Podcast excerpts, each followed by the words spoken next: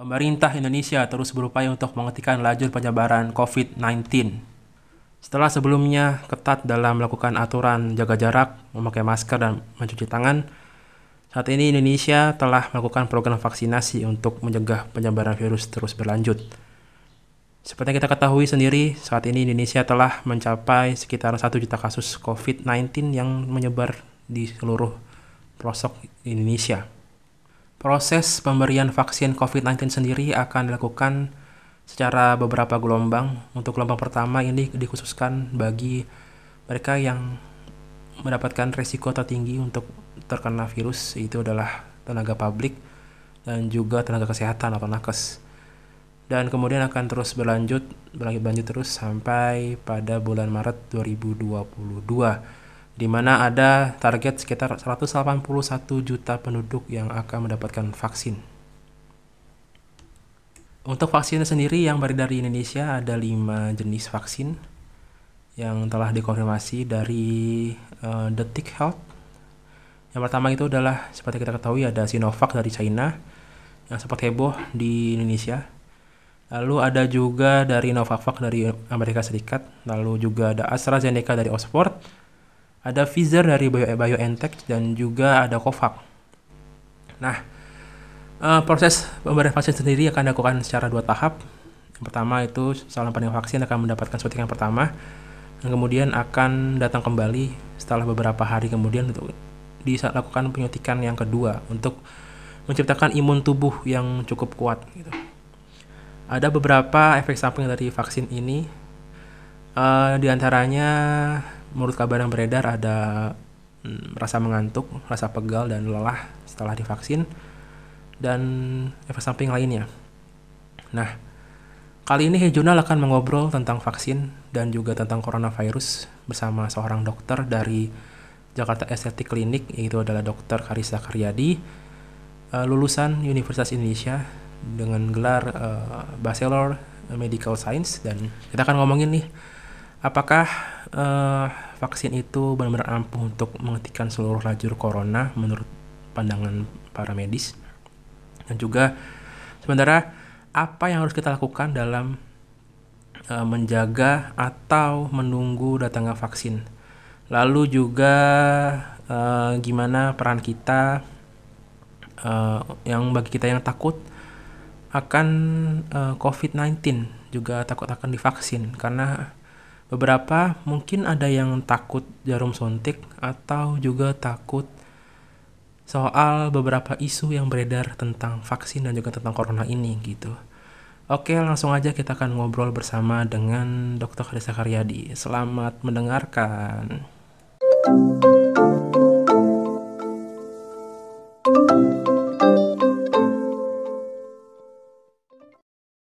Halo semuanya, uh, sekarang di sambungan telepon udah ada Dokter Karisa Karyadi. Halo Kak. Halo Aryo, halo teman-teman dari halo. Hey Journal. Halo halo. Kemarin uh, pas banget gue mau ngajakin lu buat uh, bikin konten ini. Lu baru banget divaksin ya. Itu gimana tuh? Iya bener banget. Divaksin. Oke gimana nih rasanya? Jadi ya kemarin kebetulan emang gue akhirnya menerima dosis pertama dari vaksin Sinovac itu. Dan ya hmm, jujur gue seneng sih nerima vaksinnya ya karena ya menurut gue itu merupakan salah satu cara lah untuk uh, apa namanya melindungi diri gue sendiri dan juga untuk melindungi orang-orang terdekat dan juga dari komunitas gue gitu kan. Hmm. Dan ya gue untungnya sih nggak ngerasain ada gejala kayak gimana atau keluhan-keluhan. Ya palingan cuma rasanya benar-benar kayak ya disuntik ya sakit ya kayak disuntik pada umumnya lah normal banget gitu. Hmm. Gitu sih kalau pengalaman gue gitu. Nah prosesnya proses lu dapet uh, vaksin tuh gimana tuh? Soalnya kan gue lihat di media sosial itu banyak banget yang nakes yang terutama yang swasta gitu kayak kayak kesulitan dapetin gitu loh. Ini oh. gimana nih prosesnya sebenarnya? Nah, kalau misalnya kemarin, jadi buat tenaga kesehatan itu ada website namanya pedulilindungi.id. Okay. Nah, di situ tuh kita bisa masukin nama, terus masukin nomor KTP kita untuk cek udah terdaftar atau belum sebagai peserta vaksinasi. Kalau misalnya hmm. emang udah terdaftar, kita bisa tinggal ikutin aja tuh jadwal di situ dan juga lokasi penyuntikannya. Tapi kalau misalnya belum, biasanya sih hmm. either klinik kita atau rumah sakit tempat kita kerja bisa koordinasi sama puskesmas hmm. setempat nih. Kebetulan kemarin juga okay. awalnya gue belum terdaftar tuh sebagai peserta vaksinasi, tapi kebetulan dari tempat okay. kerja gue bantuin dengan cara kayak yang ngomong ke puskesmas setempat, terus bantu didaftarkan gitu sih. Itu uh, prosesnya berapa lama tuh? Nggak, nggak lama sih, benar-benar kayak dari gue uh, minta tolong ke puskesmas sampai gue divaksin kira-kira seminggu lah gitu. Oke, jangka satu minggu ya. Mm -mm. Uh, itu kan ada yang bilang uh, katanya uh, harus manual gitu. Itu maksudnya gimana tuh? Man uh, manual juga atau langsung dibantuin sama tim lo gitu? Apa nah, tempat tuh kerja gitu? Iya, jadi sebenarnya tuh caranya ada banyak dan ada dijelasin juga sih di websitenya itu yang peduli, peduli lindungi ID. Mm -hmm.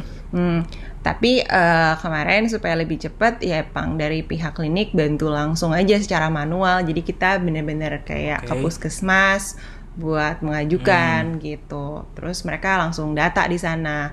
Nggak lama kok prosesnya gitu. Teman-teman gue yang lain juga yang belum terdaftar, mereka bisa ke puskesmas dan langsung dibantu gitu. Hmm. Jadi sebenarnya nggak ribet yang penting ya kalau misalnya kita belum hmm. uh, tercatat sebagai penerima vaksin yang lebih proaktif aja gitu kita samperin puskesmasnya atau misalnya tanya ke 119 itu kalau nggak salah ada nomornya deh untuk tanya-tanya hmm. lebih lanjut gitu sih lebih aktif nanya ya lebih kooperatif ya buat iya uh, betul cari informasi ya iya terus uh, itu penyuntikannya sendiri itu dilakuin kapan dan gimana tuh ada tahapan-tahapan nggak pas di sananya gitu? Oke, jadi pas gue dateng pertama kan dia langsung cek nih namanya sama KTP identitasnya lah terus udah kayak hmm. gitu setelah kita diperiksa juga tekanan darahnya terus udah gitu suhunya terus gue juga dicek kolesterol sama gula darahnya Habis okay. itu dilakuin juga nih anamnesis. Jadi si uh, staff staffnya itu bakal tanya-tanya nih, kira-kira dulu hmm. pernah sakit apa, pernah terdiagnosis nggak kena COVID, terus okay. misalnya lagi minum obat-obatan tertentu gitu, apakah ada riwayat alergi sama vaksin sebelumnya. Nah, setelah hmm. udah dicek nih semuanya, udah yakin, lu clear dan aman, udah deh waktunya vaksin. Nah, lebih bagusnya hmm. lagi sih kemarin pengalaman gue setelah divaksin, hmm. kita itu bakal diobservasi selama 30 menit. Jadi ini fungsinya buat observasi. apa sih? Iya, jadi okay, si observasi ini jadi uh, memastikan kita tuh aman misalnya nggak ada alergi, misalnya gatel atau misalnya nggak ada sakit okay. gitu. Nah, setelah 30 menit kita aman baru kita boleh pulang gitu. Dan oh, yeah. si dosisnya itu dikasih dalam waktu uh, dalam dua dosis nih. Mm-hmm. Uh, dosis yang kedua 14 hari dari dosis pertama gitu. Jadi dua minggu lagi gue bakal datang lagi untuk dapet dosis kedua gue. Oke, iya sih. Uh, ada beberapa informasi juga kalau uh, habis disuntik itu nggak boleh langsung pulang gitu kayak dilihat dulu reaksinya gitu ya. Itu namanya observasi ya. Iya observasi. Oke. Kalau efek samping sendiri nih kan uh, ada beberapa kabar nih yang bilang kalau nanti bakal pegel, bakal ngantuk gitu. Untuk uh, lu sendiri gimana? Nah, kalau misalnya gue, gue jujur kemarin pulang vaksin malam-malam itu agak ngantuk. Tapi ini kejadiannya baru malam sih. Jadi jujur gue bingung, okay. itu efek sampingnya vaksin apa gue emang udah mau Capek tidur kerja. aja?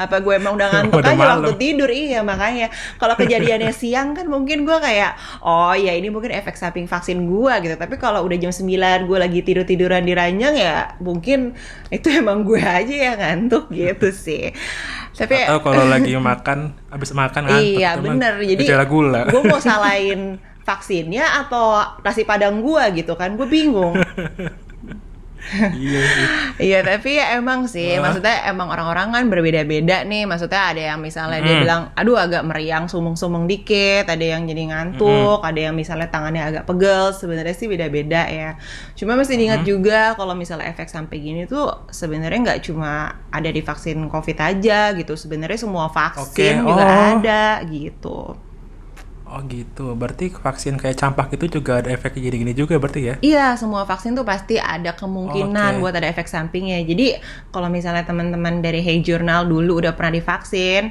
harusnya sih sekarang prosesnya sama lah kira-kira gitu. Waduh, vaksin lama banget tuh dulu zaman kecil. Tuh, berarti pas masih kecil aja badannya cuma seperempat aja, berarti nggak apa-apa. Harusnya ya mudah-mudahan okay. sekarang juga fine dong, kita aman. Amin, amin. Semoga ya. Iya. Oh iya nih, uh, berarti penting ya uh, bawa riwayat uh, penyakit gitu dari dokter mungkin sebelum divaksin. Iya, biasanya kan kita riwayat, ditanya dulu nih. medis Iya benar-benar ada beberapa pertanyaan yang nanti diajukan misalnya seandainya hmm. memang nggak nggak maksudnya nggak nggak kontraindikasi berarti ya boleh melanjutkan vaksin tapi kalau misalnya seandainya hmm. Kan ada beberapa tuh kondisi yang nggak boleh menerima vaksin misalnya emang lagi ada hamil atau misalnya ah. ada penyakit oh, autoimun iya. gitu-gitu ya mungkin bisa hmm. ditunda vaksin atau bahkan nggak boleh vaksin gitu jadi nanti akan di, di dilihat lah kira-kira oke okay apa enggak hmm. buat terima vaksin gitu. Berarti kan ada sembilan golongan ya yang nggak boleh terima vaksin ya. Mm -mm. waktu itu. Mm -mm. Itu benar-benar murni nggak dapat vaksin sama sekali atau ada nanti tindakan yang lainnya ya? Eh, sembilan golongan ada, eh, ada apa aja nih maksudnya? Kan ada banyak tuh. Kalau misalnya situasi-situasi tertentu, ya, aku, mm -hmm yang aku aku ada ada lupa sih pokoknya salah satunya itu ada ibu-ibu menyusui gitu nah kalau itu Nggak tuh boleh. Ah. ditunda berarti pas lagi udah selesai nyusuin okay. baru terima vaksin gitu oke okay, oke okay. terus uh, ini apa kalau vaksin yang dulu kan setiap habis vaksin kan dikasih kayak bubur kacang hijau tuh mm -hmm. uh, kalau lu kemarin dapat nggak tuh kayak snack uh, gitu makanan Enggak sih, gue nggak dapet snack tapi mungkin harusnya gue minta ya gimana sih nih bayi aja biasanya dikasih bubur kacang hijau gitu kan di puskesmas. Iya kan. Kok gue divaksin nggak dikasih ya? At least kasih gue teh manis iya. gitu kan ya. Uh, uh, uh, uh. Gimana? Mungkin nanti next time nih. Setengah jam. Bener, dosis kedua gue minta ini berarti ya bubur kacang hijau sama teh panas. Boleh boleh boleh. Saran tuh masa uh, hari vaksin kan Luis iya bener banget. Berarti next ya nanti gue coba tanya. Soalnya kadang-kadang di sosmed tuh gue suka baca gitu. Ini dapat kan nih bubur kacang hijau nih? Kalau nggak dapat gue males gitu. Oke. Okay. oh gitu ya? Berarti nanti gue kasih inputnya ke puskesmasnya mbak. Katanya tuh ini uh, animo masyarakat akan meningkat kalau dikasih bubur kacang hijau iya. Benar. Enggak, itu. Kayaknya cuma jokes doang sih itu orang. yakin nih, pasti sekarang lebih banyak yang datang kalau dikasihnya boba sih, nggak bubur kacang hijau sih, yakin. Oh iya sih, ya. Mungkin bisa kerjasama sama brand-brand kayak Chat Time gitu. Iya benar-benar. Buat buka stand. Bener nih. Jadi brand-brand di luar sana nih yang sekalian mau promosi mungkin bisa langsung hubungi puskesmas setempat supaya animo masyarakat uh. menaik dan juga brand Anda semakin terkenal gitu ya.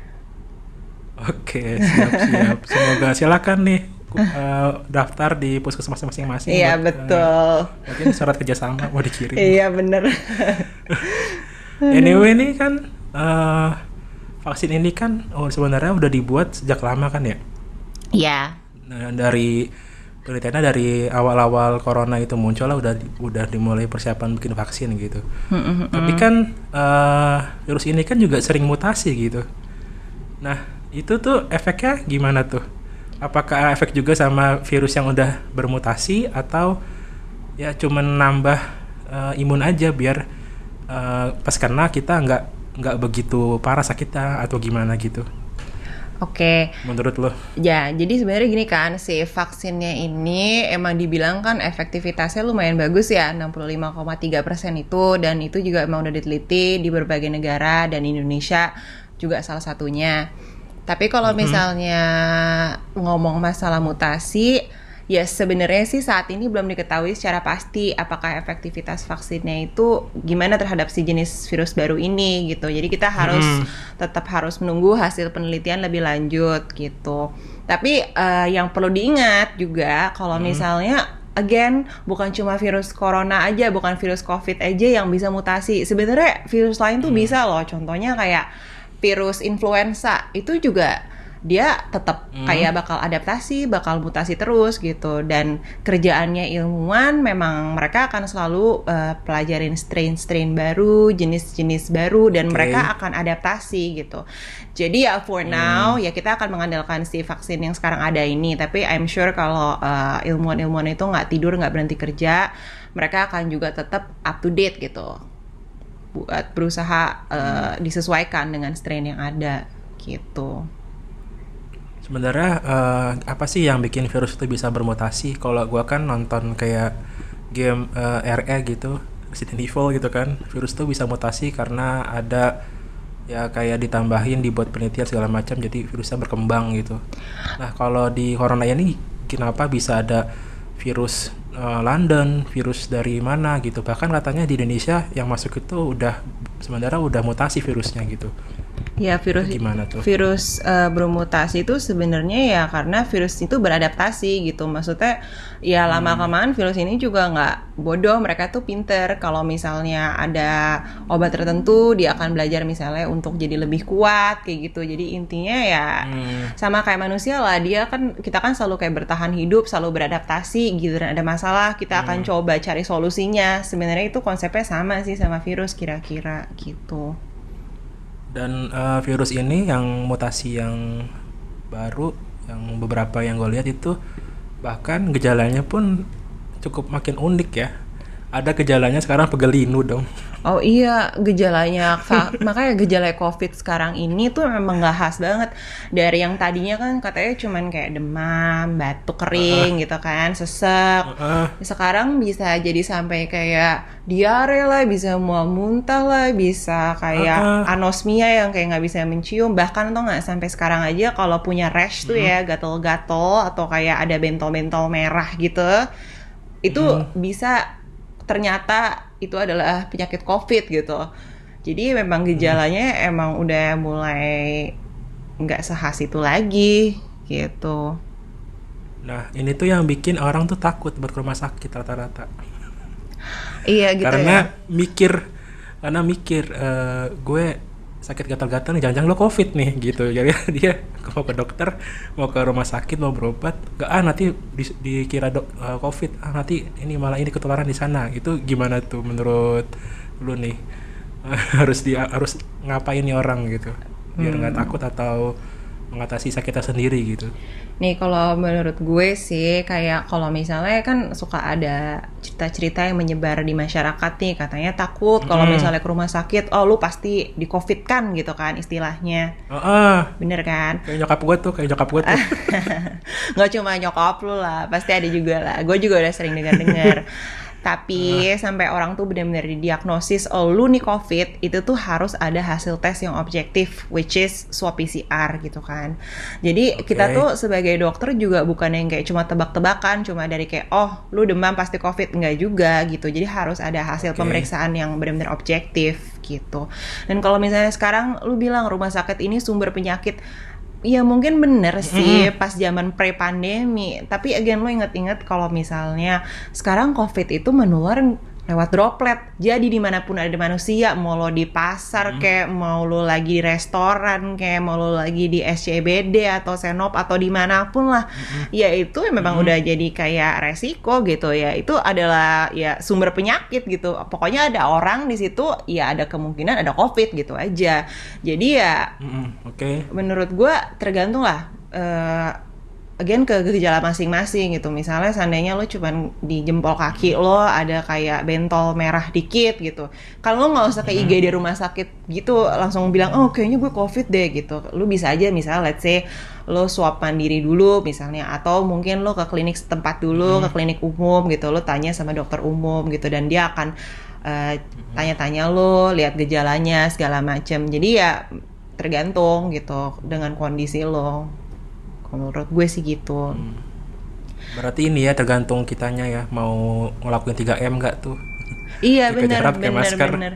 Makanya kalau lo misalnya seandainya emang bingung-bingung lo mendingan langsung cek deh sama petugas kesehatan atau misalnya dokter tapi nggak usah terlalu dengerin nih kata-kata yang ada di WA grup atau kayak gimana. Takutnya kan informasinya belum tentu bener nih. Gitu. Iya, so- Iya. soalnya banyak juga tuh hoax-hoax yang soal vaksin juga banyak tuh. Iya makanya. Nah yang penting kayak dalam situasi yang sekarang ini kita tuh jangan Ah. yang kayak panik yang terlalu berlebihan lah. Tapi ya juga jangan menyepelekan gitu. Hmm, bener bener bener bener. Oh ya nih, by, by the way, eh, kemarin ada bupati yang disuntik vaksin pertama, tapi kena covid, itu gimana tuh bisa kayak gitu? Nah, sebenarnya kan kemarin ada ya cerita kayak gitu ya. Mm -hmm. uh, jadi uh, menurut gue sih gini, jadi vaksin Sinovac atau vaksin COVID ini yang dipakai di Indonesia, dia itu sebenarnya isinya tuh adalah virus mati atau inactivated lah, nggak aktif intinya. Jadi hmm. hampir nggak mungkin kalau si vaksin itu menjadi penyebab seseorang jadi sakit COVID gitu. Terus kenapa okay. nih kira-kira dia bisa kok jadi positif gitu? Menurut hmm. gue sih nih satu nih ada beberapa beberapa alasan. Yang pertama mungkin aja nih pas si bapaknya ini lagi terima vaksin dia itu sebenarnya hmm. dalam masa inkubasi soalnya kan masa inkubasinya sakit covid kan bisa sampai 14 hari Iya. Jadi hmm. mungkin aja nih si bapak lagi inkubasi, lagi nggak ada gejala gitu. Uh, terus udah gitu dia divaksin, terus tiba-tiba oh positif gitu. Tapi bukan karena vaksinnya, ya mungkin dia emang udah kena sebelumnya hmm. gitu kan.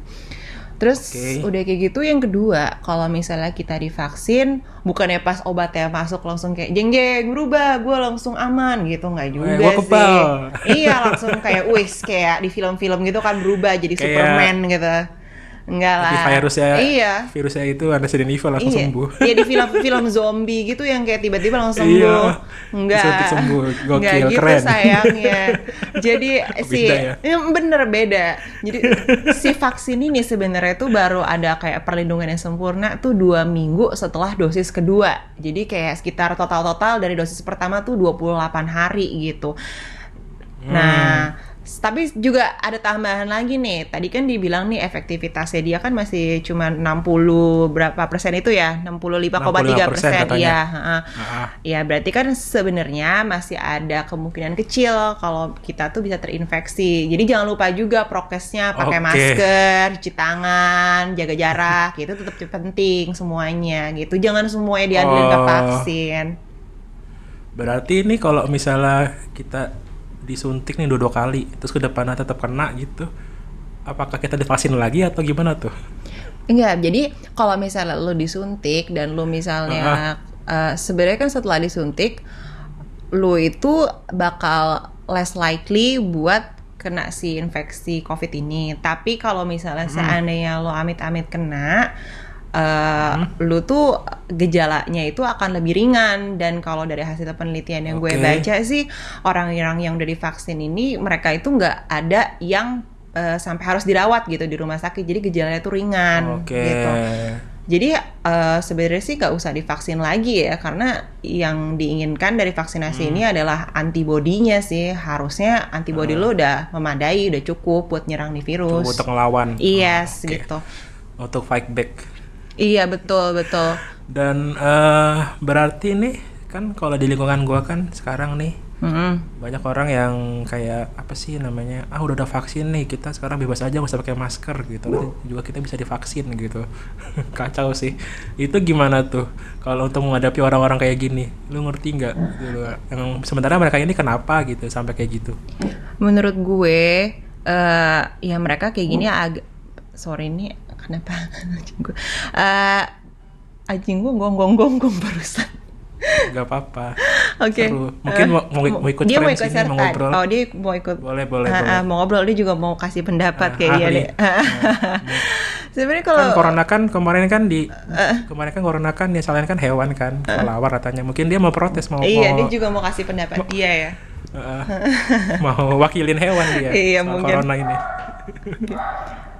Oke, okay. jadi intinya gini ya. Jadi si kasus kayak yang barusan lo ceritain tuh ya emang ada di mana-mana sih. Menurut gue alasannya bisa banyak nih. Bisa aja karena misalnya dia atau misalnya keluarga terdekat hmm. dia belum ada yang kayak pernah ngalamin covid yang berat atau bahkan amit-amit sampai meninggal gitu kan hmm. jadi ya belum berasa aja gitu atau mungkin juga ada yang kena. Uh, dia tuh kayak ada yang kena kasusnya ada tapi ada oh, yang kena ya? kasusnya di oh, daerah gitu ya? itu Oh, gue pikir ada belum gitu kan. Waktu itu jam 2 malam didatengin pakai itu kan pakai pakai pakaian yang apa sih APD gitu diangkut. Oh.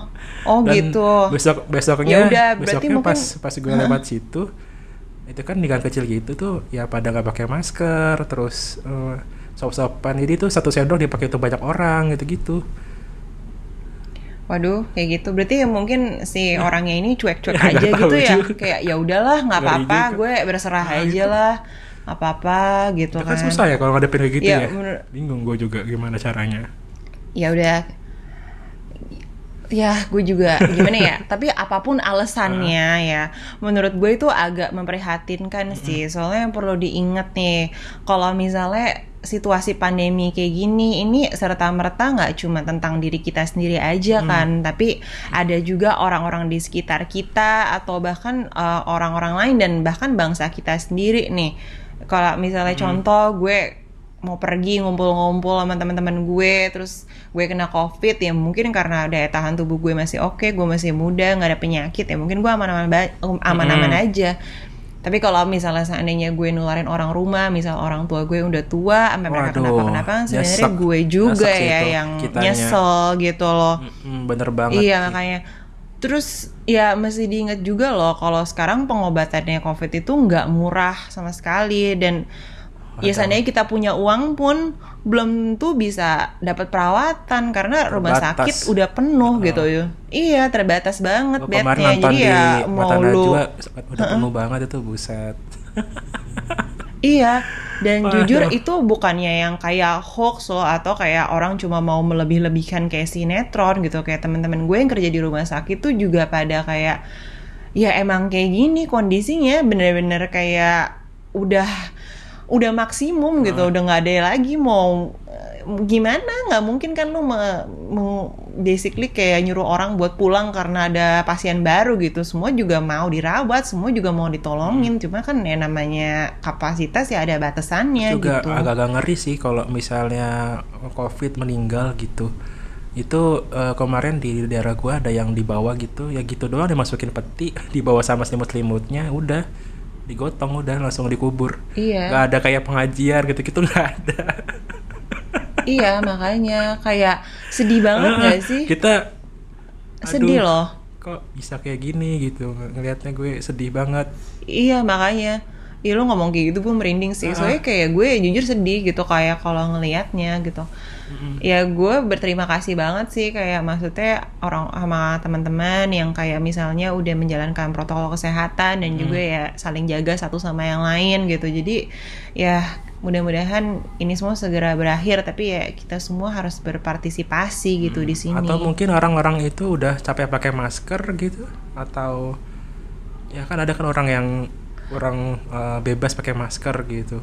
Atau apalah gitu Eh, mungkin eh, dengan adanya vaksin ini mereka mikir udah ada vaksin gue lepas masker juga nggak apa-apa gitu berarti ini kita nanti Hmm, tapi pakai berarti kita nanti meskipun divaksin kita tetap eh, 3M tetap berlaku berarti ya Tetap dong. Coba nih, gua kasih contoh. Misalnya lo naik mobil nih.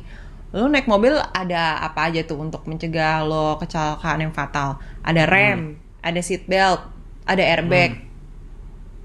Itu kan kombinasi tiga hal. Tapi kalau misalnya let's say lo nyetir cuma ada rem tapi lo nggak pakai seat belt atau nggak ada fasilitas airbag, lo pas nabrak ya mental ya mental aja, Oh, iya iya kan? sih. Nah, makanya sama dengan ini juga ya walaupun vaksinasi itu membantu untuk menuruni kem- eh, menurunkan kemungkinan lo kena, cuma ya tetap harus gitu lo harus pakai masker juga. Mm. Dan again ya, kayak misalnya eh misalnya lo udah divaksin nih, lo tuh masih ada kemungkinan buat nularin ke orang lain gitu ya. Mungkin lo aman-aman aja, tapi lo Oke. masih bisa eh, bawa penyakit ini buat orang lain. Jadi untuk teman-teman yang belum divaksin kan kasihan juga dong gitu kalau lo nggak maskeran. Oke siap siap. Ini masker beneran ya, jangan masker bengkoang ntar nanti. Salah salah. Oh iya, jangan jangan, bukan sheet mask ya. Bukan yang matanya bolong loh. Aduh aduh. Oh ya nih eh, ini kita kan kemarin udah tembus rekor tuh hebat banget kita ya. Iya kita ya. tembus rekor satu juta kasus weh. Itu prestasi atau dapat tuh menurut lu sendiri? Aduh ya ampun, gue boleh gak sih kita prestasinya yang lain, jangan kayak wis satu juta, satu juta Miris. ini pasien eh, apa positif covid ya ampun, yang lain boleh nggak sih Ap- satu juta subscriber gitu loh Amin masih mending ya, amin. lebih Jadi Bisa bagus. dibangkain ya. Iya.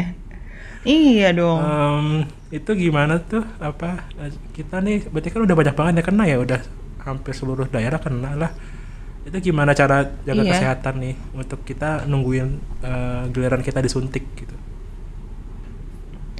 ya untuk uh, jaga kesehatan yang bisa kita lakukan adalah makan makanan yang sehat bergizi biasalah hmm. banyak makan buah sayur gitu protein yang cukup terus olahraga juga hmm. terus jangan lupa juga minum vitamin hmm. berjemur biar uh, dapat vitamin D-nya tuh tidur sama ya jangan lupa juga tapi berusaha buat tetap optimis wow gitu optimis nah nah yang buat harus di luar rumah nih yang harus tetap pergi ke kantor atau nggak bisa WFH hmm. jangan lupa sih pakai masker cuci tangan sama jaga jarak walaupun hmm. kayak kesannya simple tapi itu tiga hal benar-benar bisa bantu loh benar-benar bisa menurun uh, menurunkan resiko teman-teman hmm. gitu buat kena covid ini gitu dan kalau misalnya yang bisa WFH ya udah di rumah aja kumpul-kumpulnya nanti aja hmm. atau lewat virtual aja gitu nah, sih itu tuh kan udah sebenarnya dilakukan dari uh, tahun lalu ya bulan Maret-Maret awal tuh Maret akhir yang ha -ha. ada PSBB gitu Nah, tapi kan uh, sekarang ini dong orang udah mulai pada jenuh dong, pengennya liburan ke mana gitu. Itu uh, gimana hmm. tuh buat bisa ngatasin hal pikiran-pikiran kayak begitu gitu? Menurut lu harus kita harus ngapain gitu? Soalnya kan kalau kita ngelakuin hal-hal yang Bo sama terus misalnya olahraga, olahraga terus WFH olahraga WFH virtualan itu kan bosan juga dong kita butuh refreshing keluar main atau gimana gitu Iya, gue ngerti banget sih. Maksudnya kayak kejenuhan itu terjadi pada semua orang hmm. gitu. Tapi ya again, uh, lo harus mengingat kalau ini emang bukan situasi yang biasa gitu. Ini bukan yang kayak lagi normal kayak tahun 2019 yang semuanya aman hmm. damai gitu. Tapi kan emang lagi pandemi gitu. Kalau gue sendiri sih dulu pas awal-awal PSBB yang gue lakuin adalah gue belajar baking. Walaupun itu simple, tapi dulu emang sebelum pandemi jujur gue nggak bisa masak sama sekali nih. Tapi pas pandemi gue kayak oke okay, gue harus coba ah belajar sesuatu. Jadi gue belilah hmm. oven seharga tujuh ratus ribu. Wow. Dan tuh oven bisa menghasilkan banyak sekali kue. Dan yang tadi jangan mau makan kue-kue hmm. bahkan tadinya nyokap gue aja nggak mau lo makan bikinan gue. Kok bisa sih?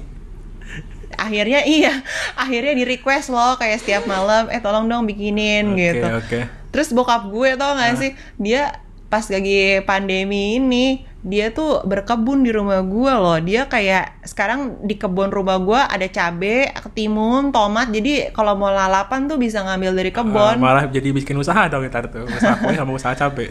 Iya iya bener. Boleh boleh boleh. Eh tapi uh. tau gak sih sekarang kalau misalnya dari universitas hmm. gitu-gitu juga pada bikin free courses loh sama kayak webinar dan itu lo bisa ikutin gratis. Oh iya banyak ya sekarang ya kayak pelatihan di Zoom gitu-gitu ya.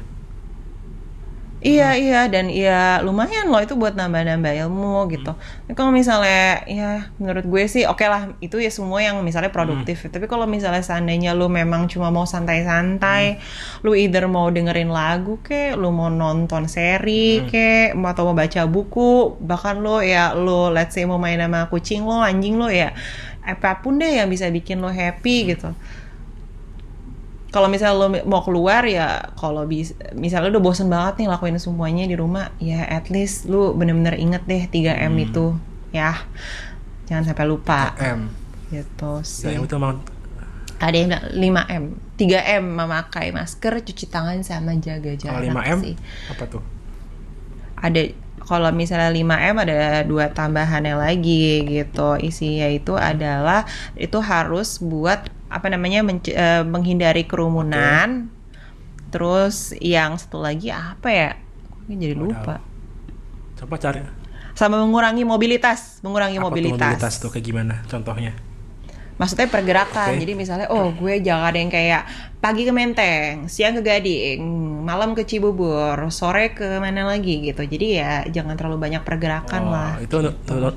stay di satu tempat itu aja. menurunkan ini ya imunitas nggak sih? Jadi bikin capek apa gimana kenapa begitu um, sebenarnya yang kayak kalau misalnya membatasi mobilisasi ya kita ya kalau misalnya pindah-pindah kan lebih jadi lebih banyak resiko ya terekspos ke banyak environment yang berbeda-beda Oke, gitu. oke, paham paham. Mungkin di salah satu tempat itu ada yang ada virusnya mungkin ya. Eh, Hmm, kalau misalnya lu cuma pergi ke satu tempat aja dengan misalnya dengan orang yang sama itu kan less ini ya less less resiko gitu. Oke. Eh, by the way, eh, kemarin tuh ada ini ya, apa kasus eh, VCR ini apa palsu gitu. Dan bikin eh, Hmm. di pesawat itu jadi sekarang ada apa sih istilahnya gitu yang berawal dari pes- dari pesawat gitu. Yang penularan sekarang di pesawat tuh ada gitu gara-gara itu gitu. Berarti sekarang Ada apa? Sorry. jadi penularan itu ada ada yang dari pesawat sekarang karena waktu itu ada yang jual vaksin eh, jual vaksin jual PCR ke- eh, palsu jadi hasilnya langsung eh, negatif gitu yang ditangkap tuh Mm-mm. ada tuh yang youtuber ditangkap yang Mm-mm. Oh iya iya, yang jual kayak surat Eh, palsu itu ya. katanya dibikin apa sih namanya kalau misalnya jadi satu tempat penyebaran gitu. Pokoknya di sana di bandara tuh. Isolasi. bukan bukan. Apa sih namanya? Gue lupa lupa juga. Pokoknya dia itu eh, sekarang jadi kalau dulu kan katanya kan eh, oh ya klaster. Klaster perkantoran kan udah ada tuh. Sekarang katanya klaster ini juga ada pesawat juga ada katanya gara-gara itu gitu. Berarti sekarang kalau Klaster pesawat. penerbangan gitu. Oke. penyebaran di daerah penerbangan tuh sekarang juga ada gara-gara itu gitu. Nah eh, berarti sekarang kita mau liburan pun nggak aman dong meskipun udah swab test. Ya, maksudnya kalau gue personally sih kalau misalnya nggak harus barus banget ya nggak perlu sih pergi liburan zaman sekarang gitu. Apalagi eh, kalau kecuali ya misalnya lu nyetir gitu kayak road trip kan ya mungkin cuma lu doang gitu di dalam mobil gitu. Tapi kalau misalnya lu naik pesawat, lu di ruang tertutup dan sama kayak orang-orang lainnya gitu. Itu kan resikonya lebih tinggi ya. Apalagi misalnya lu tiba-tiba kayak ah aku lapar mau makan gitu. Eh ya mending lu tahan deh dulu mungkin ya dua jam tiga jam keroncongan dikit gitu nggak apa-apa lah. Lu nggak nggak usah makan gitu di pesawat. Kalau emang di sana bisa dari sana ya virusnya ya, dari makanan juga bisa ya? Apa gimana tuh? Bukan dari makanan tapi kan kita secara otomatis buka masker Oke. gitu kan kalau lagi makan kan nggak mungkin ditutup mulutnya dibolongin. gitu. Eh, eh, iya dibolongin buat sedotan kali Nggak. enggak lah iya gitu Ah. Ya, jadi sebenarnya gini loh kalau misalnya lu pun udah tes Ah. tes itu kan gimana ya eh, dia juga butuh waktu inkubasi maksudnya contoh gini gue kena hari ini kalau misalnya gue di PCR nanti sore belum tentu hasil gue positif loh. Soalnya kadang-kadang itu emang mesti ditunggu beberapa hari baru hasilnya terlihat positif. Karena misalnya virusnya itu eh, masih rendah jumlahnya. Jadi nggak tertangkap pada saat pengambilan sampel PCR tersebut Oke. gitu. Jadi ya oke ya mungkin PCR udah yang paling bagus ya untuk saat ini, tapi tetap again mau hasilnya positif, mau hasilnya negatif atau apa pun, tetap harus jaga diri pakai masker gitu aja deh. Oke, terus berarti fungsinya tes ini cuman buat ACC bisa terbang aja ya, nggak menjamin kesehatan kita ya? Iya untuk menjaga, iya mas, iya bener sih menurut gue kayak gitu. Walaupun hasil tes lu tetap negatif, lu tetap harus menjalankan prokes sih.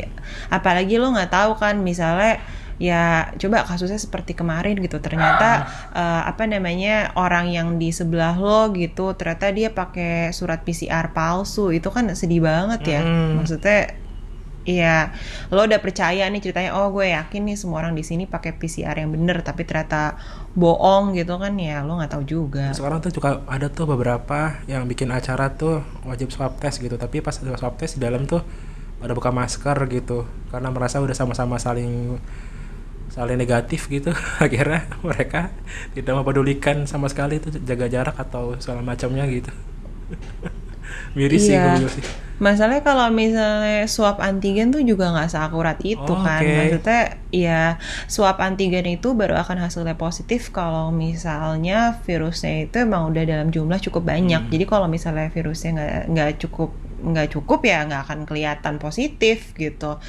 dan kadang-kadang yang kalau gue lihat jujur di video-video yang ada di sosmed kan mereka tuh saling swap satu sama yang lain nih bahkan nggak manggil kayak tenaga kesehatan Uh, uh. atau apa atau bahkan ada yang swab dirinya sendiri. Ya pengambilan sampelnya itu juga belum tentu akurat gitu. Kalau misalnya seandainya lu nyolokin hidung temen lu temen lu yang kayak udah aduh aduh aduh pastikan lu stop. Padahal mungkin aja itu nggak cukup dalam sedangkan sampel yang diambil itu harus dari nasofaring which is harus mentok gitu di belakang hidung. Oh gitu.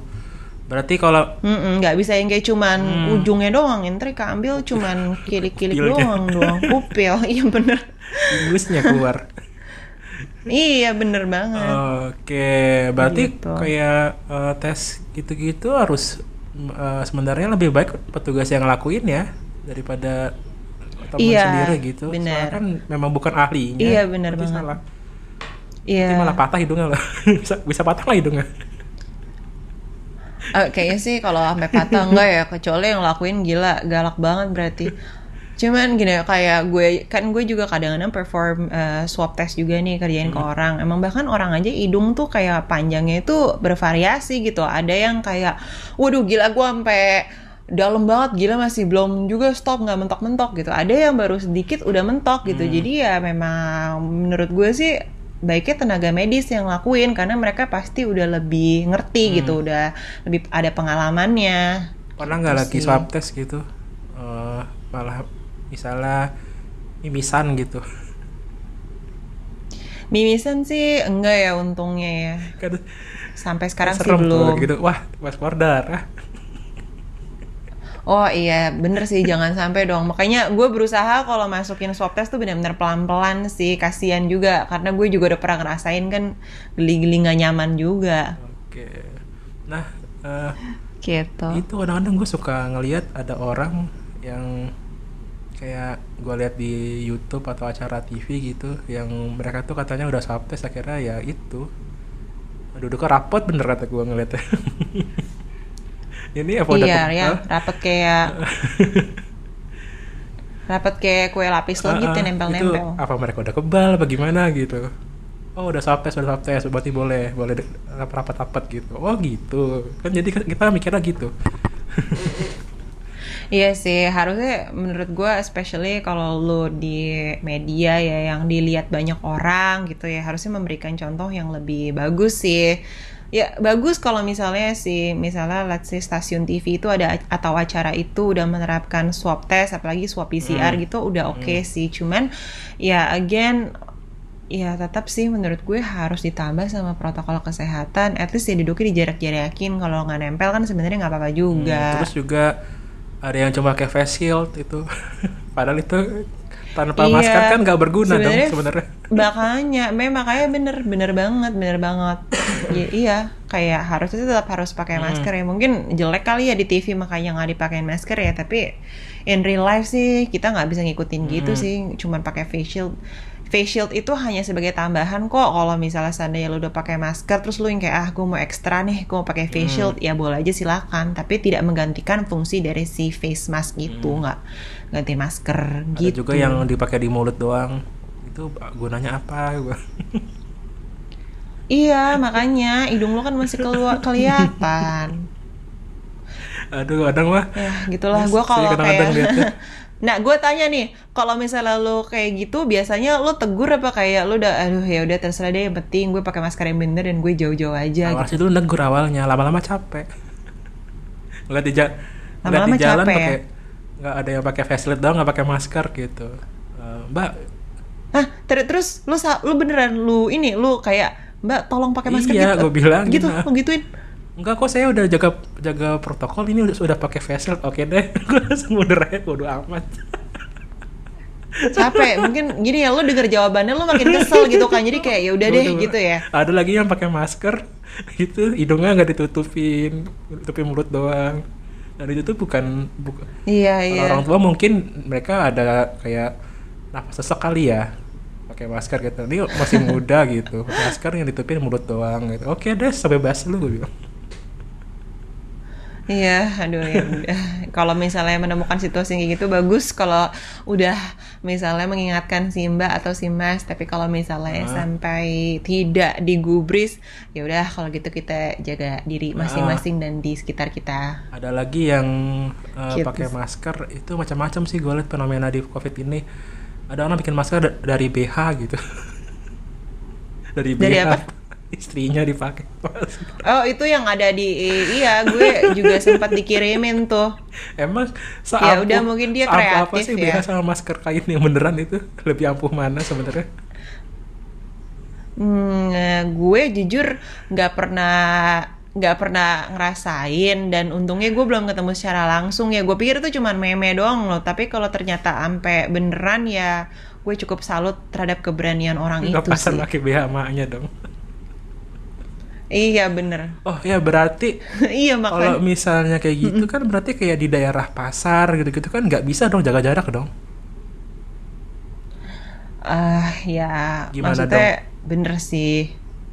Kalau misalnya di pasar sekarang masih pada buka semuanya ya? Ya mostly ada beberapa yang buka kan emang kebutuhan dong.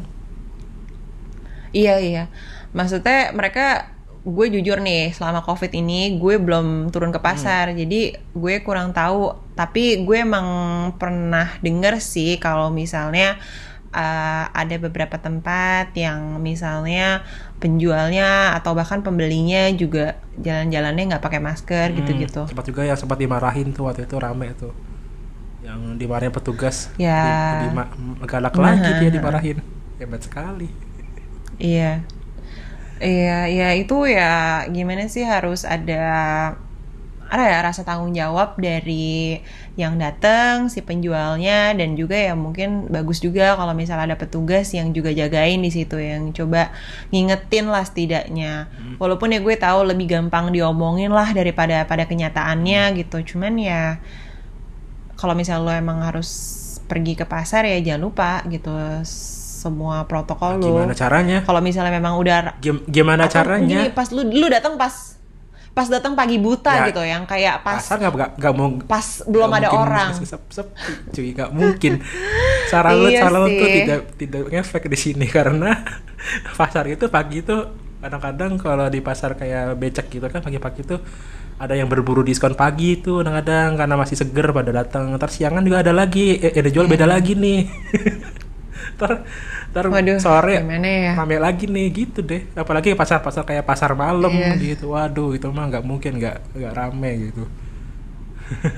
Ya udah tapi kalau gitu at least lu bener-bener pakai masker lu sih. Dan ya intinya lo habis pegang apa-apa lu cuci tangan sebelum lu pegang muka atau pegang-pegang masker lu atau minum atau apa pun gitu ya kalau misalnya dalam situasi gitu ya mungkin nggak bisa ideal. Misalnya jaga jarak satu setengah meter dua Hmm. meter ya kan nggak mungkin juga ya. Maksudnya kayak maaf mbak mas anda sudah melewati eh, dua meter saya gitu kan nggak mungkin juga ya di- nanti dimarahin orang.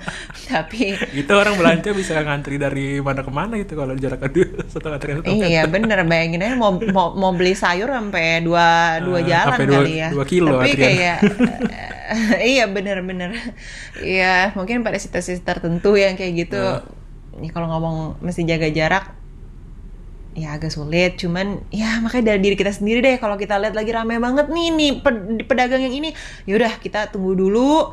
Terus kita pas lagi udah agak sepian dikit baru kita cepet-cepet kayak beli. Udah gitu. Ah. terus jangan lama-lama juga di sana. Udah beli sayur ntar man- eh, mampir sini mampir ke sini mampir ke sini. Mungkin habis datang terus balik. beli apa yang kita butuhin langsung cabut Berarti penting gitu ya. jadi exposure-nya nggak terlalu buat lama. eh, nyusul dulu ya daftarnya. Jangan datang nggak ngerti mau beli apa ya.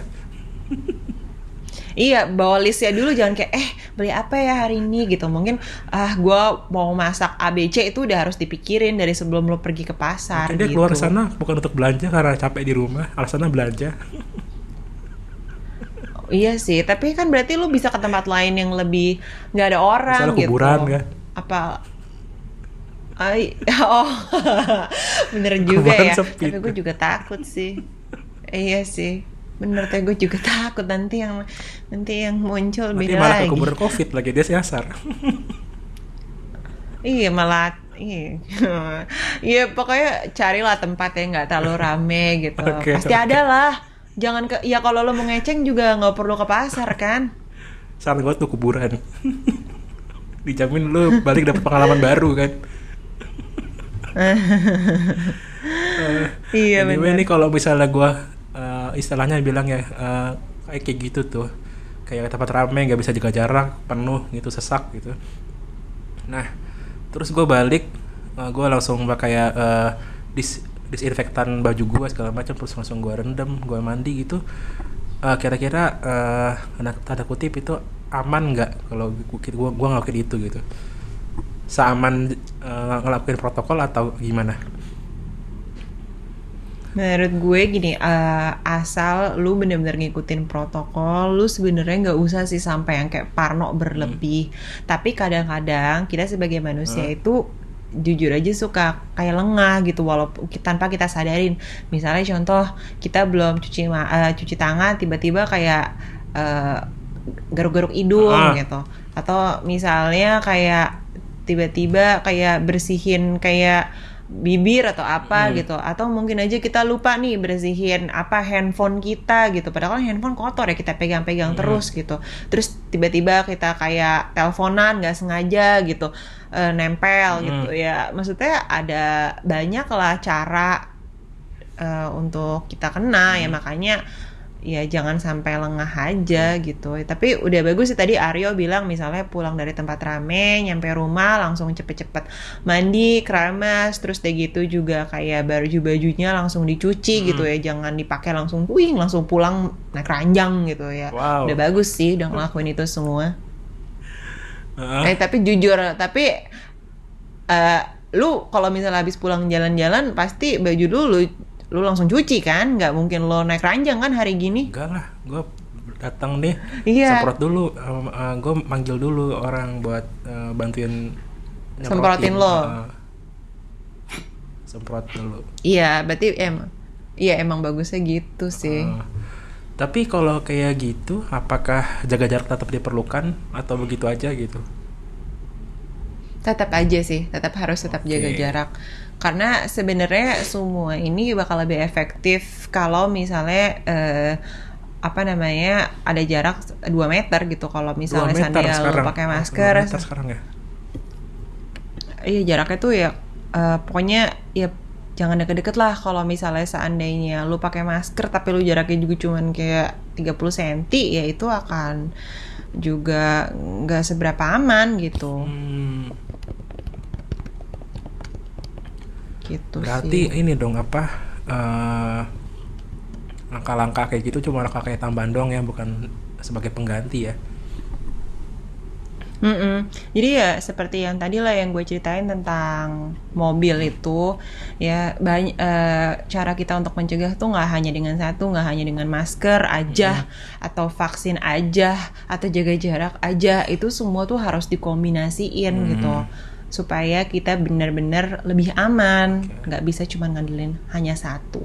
Oke okay, oke. Okay. nih gitu. kita uh, ngomongin lagi soal vaksin ya nih. Uh, mm -hmm. sekarang tuh banyak banget nih ketakutan yang muncul di masyarakat soal vaksin karena hoax mungkin. Atau uh, ya namanya masukin zat ke dalam badan sendiri kan. Badan zat lain gitu kan orang ngeri juga. Tapi juga ada juga yang iya takut iya yang kayak gue nih gue vaksin sebenarnya eh, nggak uh, takut soal zat masuk segala macam tapi gue takut sama jarum suntik gitu. Itu gimana tuh? Lu takut apa? Jarum kenapa suntik. yuk? Oh takut jarum uh. suntik. Iya gue ngerti sih. Itu gimana tuh biar kita berani nah, gitu? Nah kalau soalnya biasanya kalau orang kalau udah takut itu nanti pasti ya nggak nggak ini nggak apa sih. Ya ada aja lah pokoknya lah gitu loh namanya udah udah takut udah takut itu udah kebayang aneh-aneh gitu itu gimana tuh kalau kalau misalnya buat yang tadi kasus yang pertama ya yang rasa takut karena ada misalnya ada zat asing yang masuk mm. ke badan gitu uh, itu teman-teman mesti tahu kalau misalnya vaksin itu dari awal sampai bisa digunakan itu dia itu pasti akan melalui beberapa step penelitian gitu dari hmm. misalnya vaksin covid ini dari penelitian awalnya tentang virusnya itu, terus ada juga uji preklinis okay. di hewan, ada juga uji klinis di manusia okay. gitu. Dan udah pasti ada uh, ini tuh dipastikan dulu keamanan sama efektivitasnya dan udah ada bukti ilmiah yang melatar belakangi munculnya vaksin hmm. gitu. Plus ada tambahan juga kan dia kan udah di ACC nih, udah di uh, di disetujui sama BPOM dan yakin aja kalau misalnya BPOM itu nggak mungkin kasih izin edar kalau ternyata itu membahayakan masyarakat hmm. kan. Plus MUI juga kemarin udah memutusin buat uh, bilang Sinovac itu halal hmm. gitu. Jadi ya maksudnya uh, jangan takut gitu kalau misalnya hmm. uh, vaksin itu tujuannya benar-benar untuk melindungi kita kok bukannya emang mau apa namanya oh. ada uh, efek buruk kan atau apa pun mau jadi gitu. katanya jadi titan ntar jadi Titan ya, jadi itu apa? film anime Titan yang gede tuh oh ya ya ya ya ya ya enggak lah Enggak Terus katanya? Nih ya gue udah divaksin Gue santai-santai aja Woi. Habis selesai vaksin Pergi kerja pun gak apa-apa dikasih kayak katanya Ntar dikasih chip katanya. Wadaw Chip ada dari mana chip tadi? Ya ampun Ya, gue kemarin lihat kok itu bener-bener cuman air dan airnya tuh cuma sedikit 0,5 doang, kecil hmm. banget. Ih kalau misalnya mau nih, kalau misalnya seandainya mau masukin chip lah lewat handphone lu juga bisa kali di track nggak usah susah-susah vaksin satu dunia ribet banget. Semua orang udah punya oh, iya handphone. sih, pakai ini aja pakai map ya, dilacak langsung ya. Pakai IP. Iya, dilacak bisa. langsung ya, address langsung ya. Hmm, Nah kalau misalnya teman-teman nih yang bilang kayak, aduh takut sama jarum suntik, ya ngerti sih. Mungkin kadang-kadang ada beberapa yang agak parno. Tapi percayalah itu akan berakhir dalam dua detik. Ya tiga detik deh maksimal gitu. Karena bener-bener nggak lama bener-bener kayak cuma masuk masukin obat cabut udah selesai Soalnya kayak, gitu. Uh, ambil napas aja yang dalam. badan gue nih kata kan gue kalau misalnya kayak kena tipes gitu kan cek darah dulu kan gitu mm-hmm. katanya tergolong orang yang uh, susah diambil darahnya gitu jadi lama gitu. Oh oh oh ya ya ya ya ya.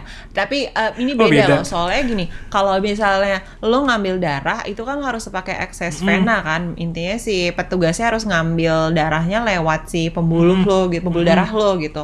Kalau lo panik emang kadang-kadang pembuluh darahnya jadi kayak kolaps jadi kayak ngumpet dan darah lo nggak keluar. Lo harus santai dulu nih baru si darah mau baru muncul mm. gitu. Tapi kalau yang ini kan beda. Okay. ini benar-benar yang kayak suntik yang di lengan gitu gitu loh yang kayak di di daerah deltoid lo di otot lengan atas lo disuntiknya di situ. Jadi mau lo panik nggak panik tuh obat bakal tetap masuk. Dan uh, rasa gimana sih kak? Uh, ya. rasanya ya nggak sakit ya, sih. maksudnya gimana? ya rasa suntikan. Gimana tuh? Yang gue rasain sekejap kok. kayak dari gigit semut kan? kayak... kalau orang tuh kali dulu gigit semut gitu. Iya, kalau kata dokter sih rata suntik kayak seperti digigit semut gitu. Itu kan kayak digigit semut apa? Semut api loh. Enggak lah. Semut api bapaknya bapaknya semut yang gede. Iya semut api bapaknya yang raja gitu wow. yang gede. Enggak lah. Apa ratu ya? Kalau semut ya? Ratu ya pokoknya lah. gitu.